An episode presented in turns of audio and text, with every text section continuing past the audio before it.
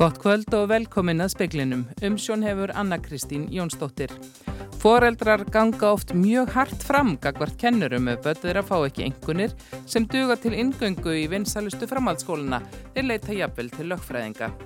Um 80 vörur er í svo kallaðri verðgátt sem opni var á netinu í dag og fólk getur þar fylst með matvöruverði í þremur stærstu verslunum landsins.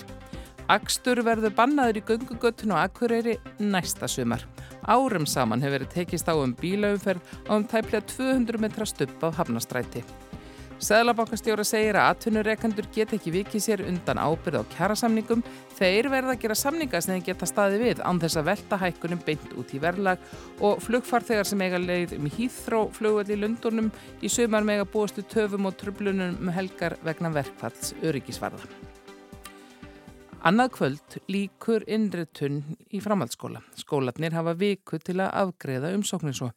Valdimar Víðisson, skólastjóri í Öldutúnskóli í Hafnafyrði, segir að foreldrar breyðist ekki alltaf vel við, fái börður ekki inni í fyrsta vali og þetta hafi aukist eftir að námsmatti var breytt 2011.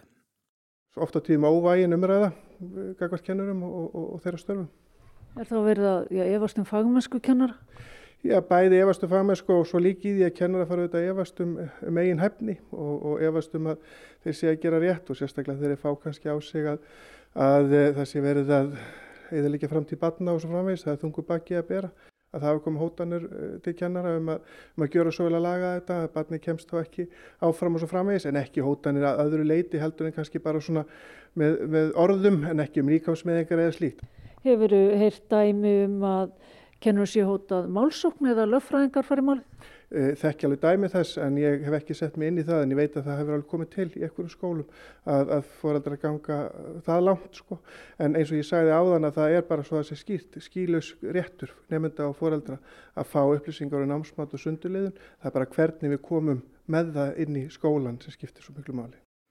Saði Valdimar Víðisson, Anna Lilja Þóristóttir talaði við hann og áframverður fjallaði um þetta í sjónvarpsfréttum klukkan 7. Fólk getur fylst með vörverði í þremur stæstu matveru verslunum landsins í gegnum verðgátt rannsóknarsettus verslunarinnar. Forstuðmaðurinn segir þetta lið í baróttunum við verðbólguna.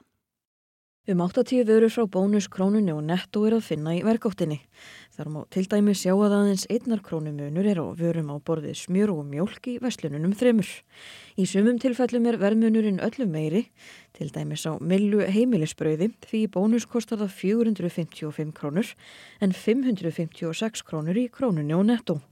Svona má áframtelja en verðupplýsingar verða uppfærðar á hverjum degi.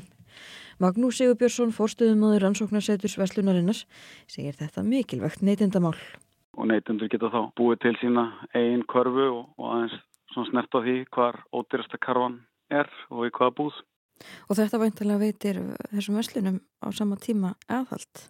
Er það markmið með þessu? Já, algjörlega. Ég, ég held að þetta bæði hérna, já, veitir því svona pínu aðhald og, og í rauninni fólki, fólki í landinu getur fylgst með hvað er ódýrast að kaupa í matinn. Menningar og viðskiptaraðaniti til ekkur 10 miljónir í verkefnið. En hvað fá Vestlarinnar út úr því að taka þátt í þessu? Já, það er í rauninni, þetta er svona veist, framkvæmt sem er í rauninni gerða að fórsvara ríkisjóðunar í, í rauninni bara inn í, inn í þessa kjæra samninga verðar og og þetta er rauninni bara aðhald til þess að, til þess að minga verðbókuna og, og taka þátt í því. Þá er ekki útilokað að aðrar vörur eða þjónusta bætist inn í verkáttina með tímanum. En, svona, en sem komi er stendur þetta bara innan, innan verslanuna. Saði Magnús Sigurbjörnsson, Sunna Karin Sigurþórsdóttir talaði við hann. Göngugatan svokallaða í miðbæi Akureyrar verður alvöru göngugata næsta sumar. Áður hafði skiplagsráð felt til húnna niður en bæjarstjórn Akureyrar snýrist hugur í gær. Bæjarstjórn Akureyrar samþitti á fundi sínum í gær að loka þeirri fyrir umferð jelknúina aukutækja á þeim hluta hafnarstrætis sem í daglegu tali nefnist göngugatan í júni, júli og ágúst sömarið 2024. Já, ég laði fram þessa tillögu í bæjarstjórn hérna einhvern veginn í apríl og í rauninni var ekki sáþýtt í skiplasráð að verða við þeirri tillögu að gögugötan hefur lokuð núna í sumar en svo var það einhver auðsnúningur þau voru rauði búin að gera þetta næsta sumar. Svo verður einni raunin á völdum sunnudögum í sumar, segir Hilda Jana Gísladóttir bæjarfulltrúi samfélkingarinnar á Akureyri Hún var hress þegar fréttastúa sló á þráðin. Ég eru þetta bara allsæl með það. En það búið að ræða þessa göngugötu og umferðum hana í ansi mörg ár. Gatan sem er í hjartabæjarins ætti að vera flestum kunn og að hefur lengi verið millir tannana á fólki. Það verið svona alls konar verið að prófa að loka í smá tíma eða aðeins yfir júli eða á vissum tímum eða jafnvel eftir hittast í. Sko, mér líður eins og ég geti sagt bara alltaf verið til umræð. Hilda segir umræðuna helst hafa snúist um að hægt sé að aka og leggja bíl við búðir og þjónustu á svæðinu. Þá hefur heilsugestan lengi verið til húsi á svæðinu en hún verður flutt um áramótin. Það er nú ekki langur stöppur sko. Ég held að hann sé svona 177 metrar var einhver búin að mæla einhver tíman og í rauninni alls ekki langt að lappa frá þeim bílastæðum sem það eru. Þannig að hérna ætti bara að geta búið til betra notalega vistvætna mannvætna umhverfi, sérstaklega sumalagi. Saði Hilda Jana Gísladóttir, Ari Pál Karlsson talaði við hana. Vísindamenn í Nóri hafa hætt rannsókn á heyrn kvala eftir eitt kvalana druknaði. Síðustu þrjú árin hafa vísindamenn frá Nóri og Bandaríkjónum staði fyrir rannsókn á heyrn kvalategundarinnar hrefnu. Kvaletnir eru fangaðir í lófót en skerjagarðinum, látnir undirgangast heyrnarpróf og síðan sleft aftur. Þessa tilraun hafa dýravendurinn sinnar og raunar vísindamenn líka gaggrínt. Hún hefur verið sögð bæði grimmileg og tilgangslaus sem er þó ekki rétt ef markam á þá sem standa að henni. Hún hefur tilgang og sá er að finna út hversu næmir kvalir eru fyrir hljóðum af mannavöldum, svo sem frá skipum. En nú hefur tilhörinni verið hætt í það minnsta tímaböndið. Þetta er gert eftir að eitt tilhörnadýrana flæktist í netinu sem átti að halda kvölunum, komst ekki upp á yfirborðu til að anda og druknaði. Vond veður hafi feikt netinu til og er talið að þess vegna hafi hrefnan fest sig. Yfirmaður rannsóknarinnar segir að heilsa dýra sé í forgangi hjá rannsækandum og því þurfa að kanna hvað fór úrskiðis áður en lengra er haldið. Alexander Kristjánsson sæði frá. Búast má við talsverðri úrkomi á landinu öllu í kvöld og nótt. Drjúregning verður á Snæfellsnesi og sunnanverðum vestfjörðum. Strekkingsvindur og rigning verður í flestum landslitum næsta sólaringin. Austurland mun þó að mestu sleppa. Óli Þór Árnason, veðurfræðingur á Veðurstofu Íslands, segir þetta ekki óvinnilegt veður miða við árstíma. Ef við fáum ekki sunnanátt og, eða söðvestanátt og hlýjindi sunnan og höfum, þá er það bara sólinn sem hittar upp loftið og hún er ekkert eins og öflug eins og að fá hlýja lofti sunnana líka. Þannig að það er svona, en það verða bjart í dagar þannig að, að hérna, fólk þarf kannski að fara að finna fram sólaráburð og eitthvað fleira. Óli Þór segir að bjartir dagar verði víða á landinu um og eftir helgi. Hæð færist yfir landið og vísbindingar séu í kortunum um hægan vind og sól. Höfuðborgarbúar megi eiga von á sömarveðri þó að hýtatölurnar fari ekki hækandi. Nei, nei, sjálfins er ekki. Er, þetta er sko smálæð sem að er að fara svona upp grænlandsundi eins og það eru búin að vera að gera núna þessu síðustu vikur og hún er að íta skilunum yfir landið og, og hérna en nú er svona hálfanan dag cirka, það eru miðjan dag og föst dag sem að skilin ganga almenlega yfir og veðrakerfin eru bara orðin veikar en þau eru svona öllu jafnaði vetratíman þetta gengur svolítið hægt hjá henni. Sæði Óli Þór Átnason, Ástró Signýjadóttir talaði við hann Oftast er það svo þegar þarf að skera niður í ríkisfjármálum að efnahagur er í niðursveiflu. Aðstæður í efnagskerfinu er nú þannig að það er auðveldara að sína aðhald í ríkisrekstari að dómi Áskers Jónssonar Sæðlabankstjóra en ofta áður. Sæðlabankin kynnti yfirlýsingu fjármálastöðuleika nefndar í morgun. Þar segir að fjármálakerfi standi traustum fótum, aðhald hafi aukist, vanskil séu lítil og rekstarar afkoma bankana góð. Heimili og fyrirtæki standi þó frammi fyrir versnandi skilirðum. Brínt sé að lánadrottnar hugja tímanlega að þingri greiðslubyrði lántaka og því þurfa að skoða að lengja lánstíma þeirra sem þurfa og taka jafnvel upp jafngreiðslu skilmála. Ásker telur að aðgeri þær sem ríkistjórnin ætlar að ráðast í vegna verðbolgu séu spori rétta átt.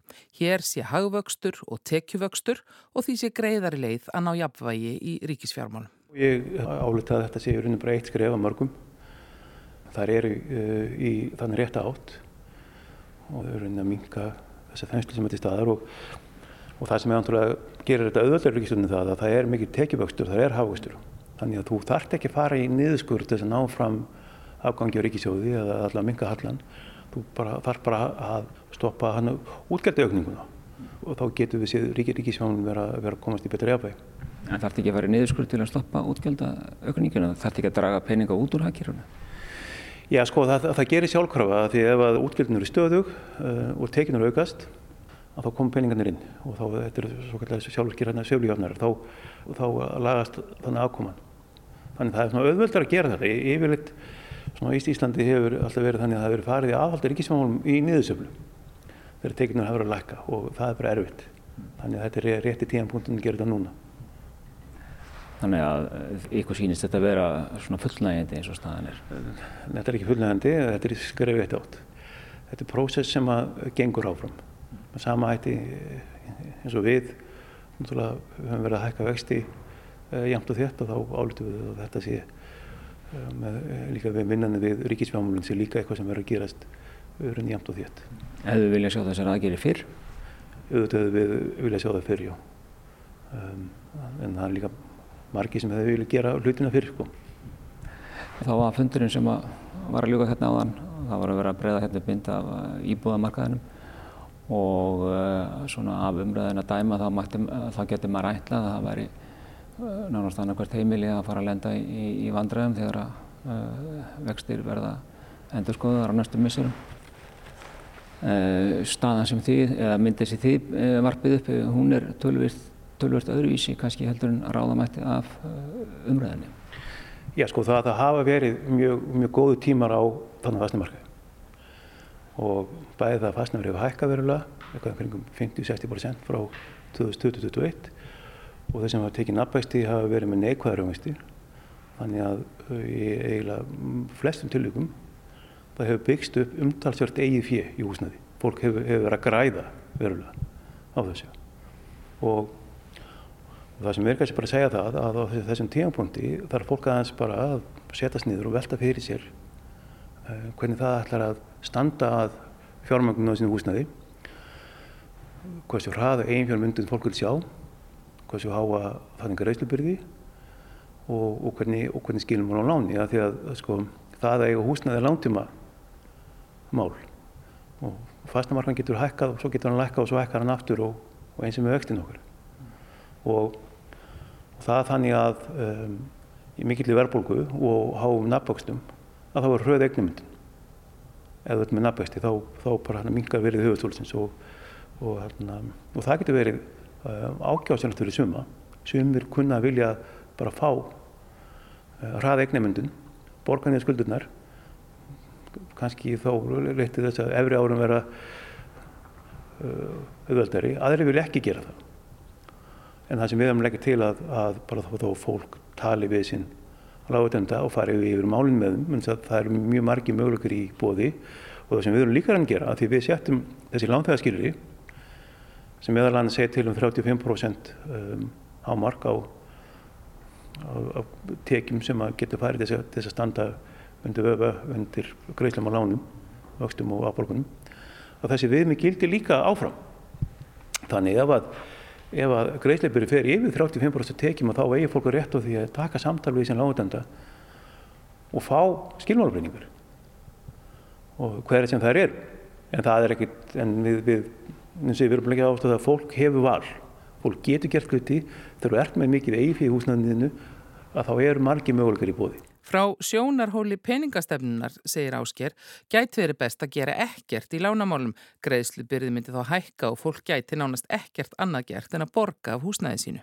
En á saman tíma þá erum við búið við í mannlegu þjóðfélagi og kannski eru takning fyrir því hvað við getum verið að beita þessari aðfrarfræði á heimilinu landin. Og það eru peningastefnum virkar í getum marga kanala. Og það er kannski takmarka hvað við getum alltaf okkur að beita okkur í getum þennan kanal. En núna það er líka fyrirtæki sem er að taka lán. Minna þetta er líka að virka á þau og þannig að við viljum bara kannski algjör óþörf að, að, að alltaf beita peningustöfni að fullir hörkum með þessum hætti. Að það, það hafi þessi árum en það sem við viljum bara leggja ástu það bara hvaða valið sem fólk hefur. En frá sjónamið Sælabankars er þá æskilegt að fleiri færi sér yfir í verðinlán? Út frá sjónamið peningastefnunar þá er nafnarkerfi hefðilega en en samanskapi líka gera okkur, grein fyrir því það eru takmörk fyrir því hvað er hægt að gera Þannig ef að við náum ekki verðbúku niður ef að sérstaklega ef að vinnumarkarinn er ekki vinna með okkur við sjáum hækkun launa og hann í hækkun stýrivægsta þá gerum við fulla grein fyrir því að við slíkt ástand þá er mjög erfitt að að vera með nafnastakerfi. Það kannski bara gengur ekki upp og, og þá fyrir við bara aftur í, í gamla farið og það sem ég ger alltaf ráð fyrir var í það að það var alltaf talað um það að það, það þyrti nafnastakerfi. Við komum því upp, nafnastakerfi, fólk gæti fengið nafnastaláni, fólk er búið að hagnast á því.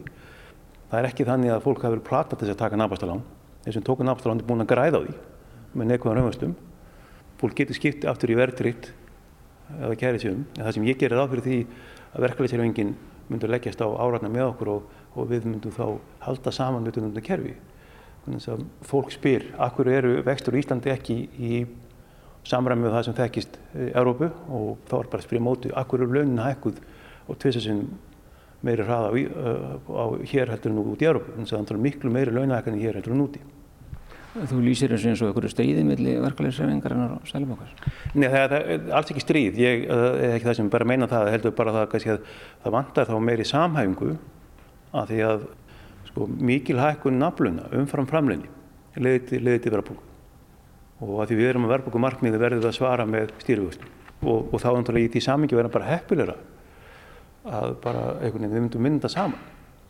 Að við myndum einhvern veginn bara miða við launahækkanir sem að væri samræmi við framleginni og samræmi við, við svona lága verðbúku og þá getum við bara lækka stýrifustum. Ásker segir eðlert að fólk eigði fjö sem það eignaðist til dæmis með afturvirkum hækkunum í síðustu kjærasamningum og sapnaðist í faraldrinum. Um, Viðstahalli er merkjum um ólítinsbarnað hjá okkur, mikla eðislu og líka það sem ég hef, hef, hef líka haft ágjör af að ég vil alveg ekki skella endalega skuldinu verkefælisfjölu. Það er aðnurreikundur eða líka aðeins að hugsa sem ef þeir skrifum til kjærasamninga og hækka síðan verðið þarna sko daginn eftir. Þetta er náttúrulega samilega ábyrð bara ítrekka það að það eru tveir aðalega sem gera samningin, ekki endilega bara verkefælisjölinn. Aðnurregundur verður líka að gera kjærasamninga sem þeir treysta sér til þess að standa undir á þess að þurfa að hækka verðlægið. Og ég veit það líka að það mun náttúrulega skipta máli þessu kjærasamningum ef, ef það verður farin svo, svo leið að, að fá til dæla litlar nafnunahækkanir í því trösti að verðbóka lækki, að þá er það ákveðin ábyrð sem er sett á fyrirtekinni í landinu að hækki ekki verð. Sagði Ásker Jónsson, Benedikt Sigursson talaði við hann.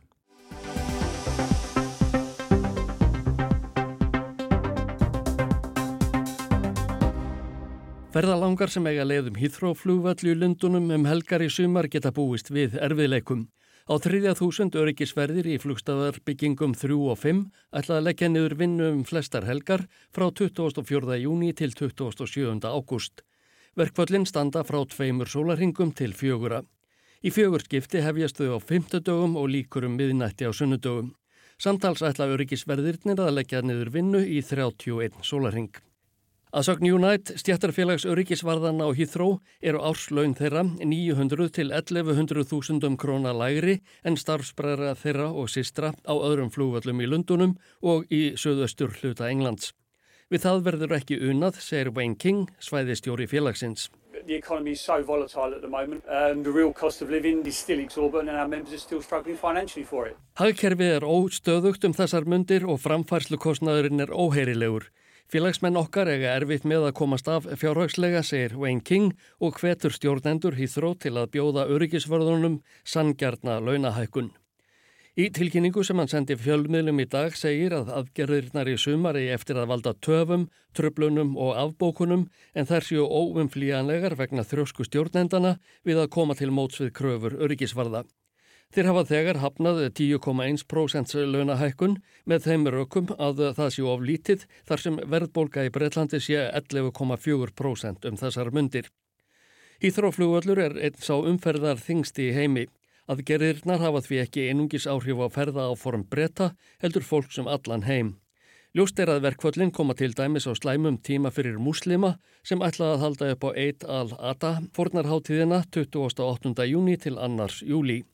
Þegar skólar í Breitlandi fara í sumarfrí upp úr 20. júli stendur fjögur að sólarhinga verkvall fyrir dyrum og annað eins í kringum langa helgi í landinu sent í ágúst.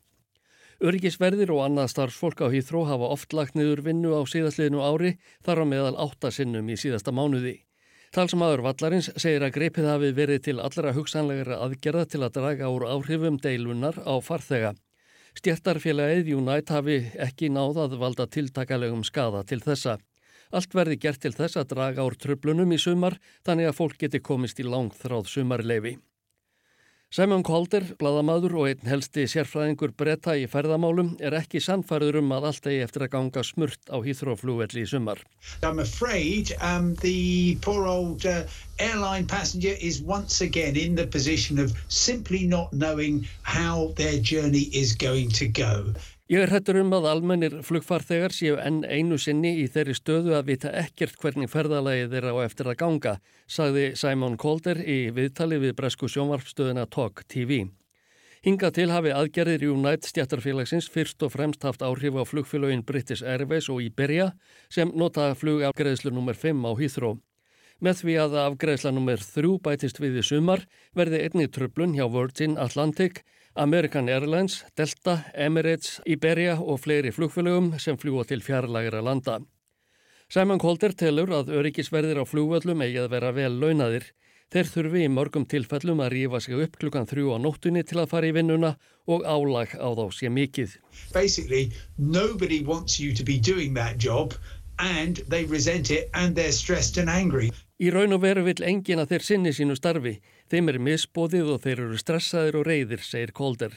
Öryggisverðir á flúvöllum eru svo sannarlega ekki öfundsverðir af vinnunni sinni.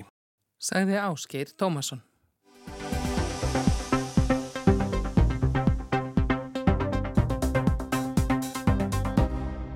Um þessa myndir eru 15 ár síðan að virk starfsendurhæfingarsjóði var komið á fót. Á þeim 15 árum hafum 21.000 komið til virk vegna hilsuberests sem gerir þeim erfitt að ráða við vinnu. Sumir koma oftar en einu sinni en flestum tekst að komast aftur til starfa. Umsækjendum hefur fjölgað stöðugt þó að þeim hefur fækkað aðeins þegar COVID-faraldurinn gekk yfir. Þeim fjölgaði tölvögt aftur í fyrra og í ár. Á þriðja þúsund sækir þjónustu til virk á hverjum tíma segir Vigdís Jónsdóttir forstjóri starfsendurhæfingar sjóðsins sem hefur gengt því starfi frá upphafi. Við hófum að veita þjónustu þarna við stopnu 2008 og byrjum að veita þjónustu 2009 og, og það bara kom fljótlega í ljós þessi gríðarlega þar fyrir þessa þjónustu og það var ekkit láta á næstu árin þar og eftir. Við vorum bara alveg í veldisvexti þarna fyrstu árin og, en, en ekki eins mikill vöxtur undan farin ára en þó núna mill ára. Hvað hafa margir leita til ykkar þessum tíma? Yfir 21.000 einstaklingar hafa komið til virka á þessum 15 árum og sumir ofta en einu sinni þannig að við erum með um 20, allavega 25.000 starfsendurhæfinga ferla í kerfin okkar og 16.000 hafa klárað þjónustu nú þegar og 13.000 af þeim eru virkir á vinnumarkaði í dag. Ástand á vinnumarkaði getur haft áhrif á þörfina en áhrifin kom ekki alltaf strax fram. Þetta er eins og eftir sko fjármálar hrunið að við vorum jáfnvel að taka á móti einstaklingu nokkrum árum þar á eftir sem voru búin að vera að berjast í bökkum öll þessi ár og svo brotnuði einhverjum árum setna og það er eins og COVID núna að akkurat á meðan COVID stóð yfir þá fjölgaði ekki endilega þjónstu í okkur. Þá var fólk jú bara mikið heima hjá sér og fór jáfnvel ekki til lækna. Og hérna en svo sjáum við það núna að leið og samfélagi komið að fulla skrið aftur að þá er mikil aukning til okkar og, og við sjáum það líka í einstaka hópum sem að voru jú mjög útsettir og stóðu vaktin í COVID að það hefur alveg haft áhrif eins og, eins og kennara til dæmis, það er tölver fjölgun þar. Álagi starfi hefur sitt að segja en líka samspil vinn og engalífs og hvernig fólk tekst á við lífið. Vigdi spendir á að atvinnureikendur get ekki öllu leiti borðið ábyrð á helsu starfsmanna sinna. Þar verði starfsmæðunum líka að taka ábyrð. Virk er vinnumarkaðsúræði sem samið var um í almennum kjærasamningum 2008. ASI og SA sömdum að stopna og fjármagna endurhæfingar sjóð. Og þarna síndu bara aðila vinnumarkaðins, stéttafélag og atvinnureikendur bara mikla framsýni. Og, og kjarku og duga að taka þetta skref þetta er mjög einstakt svona fyrirkomula þar sem að atvinnureikendur og stjættafélag hafa stíið svona fastinn í staðsendurhæfingu ég hef ekki orðið verfið þetta erlendis og, og það er, við erum alveg öfunduð af þessu að þessri aðila skuli sína svona mikla ábyrð þannig að þetta var bara, ég ætla að segja þessum aðilu þetta til hrósa Þeir bæði stopnuðu virk, svo komu líka samtöku óbera starfsmanna og óbera vinnuveitindu komu líka að virk þannig að í raun og veru öll stóru samtökinu á vinnumarkað eru, eru, eru aðilara virk og hafa staðið mjög þétt á bakvið starfsemina en líka sé til þess að hún fái að þróast og blómstra á sínu faglegu fórsöndum. Við erum ekki helbriðstjónusta en við erum samt, við erum starfsendurhæfing, aðtunitinn starfsendurhæfing, við erum auðvitað í mjög miklu samstarfi heilbreyðiskerfið og ég myndi samt ekki, raun og veru heiðalega get ég ekki sagt að við veitum enga heilbreyðistjónustu. Við stígum alveg inn á gráu svæðin sem eru þarna. Við erum til dæmis með samninga við yfir 100 sálfræðinga um að veita sálfræðþjónustu sem miður að við komum fólki aftur inn á, á vinnumarkað. Ég segi líka að e, ef að stopnari velferðarkerfi sem stíka aldrei inn á gráu svæðinu þá er velferðarkerfi eins og gata seti. Við verðum bara að vinna saman í þessu. Ímsir mælikvarðar hafa verið lagðir á árangurinn af starfinu, vikti segir að alla útreikninga sína að ávinningurinn er markfaldur á við fjöð sem lagt er til. Heildar úttekt sem byrt var í vetur síndi að nýgengi örorku hafi minkað með að við tímabil fyrir og eftir virk. Það sé þó ekki einfalt að meta það. Starfsendurhæfingin sé bara einn þáttur í nýgengi. Undanfæri misseri hafa sífælt fleiri leita til virk vegna kulnuna hennar því fer fjari að hún sé það eina sem þar er fengist við. Við fáum fólk sem hefur lendið slísum, sem er glíma við sko, stóðkerfis vanda, ímiskunnar, veist, líka bara að ná sér eftir krabbamis meðferðir og svo framvegis. Og í raun og veru það sem einnkjörnu hópin sem gerur undir virk er að hann er ofta glíma við marg þættan vanda. Það bæði heilsufarsvandi, jafnvelvandi að félagsluðun toga, um, stundum eldri áföll, mörg áföll sem hafa dunið yfir og það er bara eitthvað fyrirstöru því að komast út á vinnumarka. Þegar ég vil fengi mjög góða heilbríðstjónustöð þegar þurfi eitthvað meira til að stíga skrefi út á vinnumarkaðin þess að það getur verið erfitt eftir mikil áföll og mikil veikindi. En til okkar, þú veist, all, í raun og veru eiga allir rétt á þjónustjóvirk sem eru með skertastarskettu vegna heilsupress í víðuskilningi þess orðs hafa getu eru tilbúinir til að taka þátt í þjónustunni og stefna aftur á veinumarkað.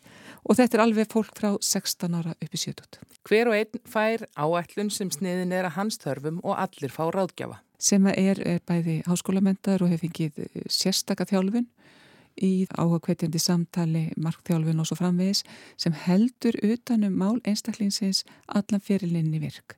Hann er líka það mikilvæg hlutverk að hvetja einstaklingin til dáða Eh, svona fáan til þess að trúa betur og eigin getu vegna svo oft er það kannski einn af stóru þröskuldunum að fólk hefur ekki almenna trú á, á getu sinni af því það er eitthvað að. Og það sem við gerum er í upphafi lítum á bæði veikleik og styrkleika. Þeir eru kortlaðir af þerfalögu teimi byggðu bendurhengar áallun með ráðgjafanum og einstaklingunni þá, er þáttakandi í þessu. Svo kaupum við ímis úrraði sem bara henda viðkomandi einstaklingi bara sem dæmi þá erum við samning við yfir 100 sálfræðinga Þannig við kaupum sálfræði þjónustu, við kaupum líka ímis námskeið af bæði sálfræðingum og sjúkarþjálfurum. Við hjálpum fólki að komast í líkamsrækt, hreyfingar mjög mikilvæg þáttur í, í starfsendurhefingu líka eins og í svo, í svo mörgu öðru. Við höfum líka fjármagnað svona stittri praktísk atvinnu með svona nám og námskeið sem hjálpa fólki að, að, að takast á við vinnumarkaðin, sérstaklega ef fólk getur ekki haldið áfram í, í sínu starfi og það er í raun og veru bara mikil fjölbreytni í úrræðum hjá okkur og við vinnum með um 500 úrræðum aðalum um all land í að veita þessa fjölbreyttu þjónustu. Hvað er þetta langur fyrir? Meðaltími þjónustu hjá okkur í fyrir að voru 12,6 mánuður en það getur alveg verið frá bara nokkrum vikum og við höfum sér dæmi að fólk er í 2-3 ár en lengra er ekki endilega betra í starfsendurhefingu. Sagði Vigdís Jónsdóttir. Veðurhorfur á landinu til miðnættis annað kvöld það verður strekkings sunnanátt með rigningu í kvöld fyrst vestan til. Sveipa veður á morgun en lengst af þurft austanlands og fremur myllt í veðri. Fleira er ekki í speklinum í kvöld. Tæknimaður var Magnús Þorstein Magnússon. Útsendingustjórnaði Margard Júlia Ingimarsdóttir. Veriði sæl.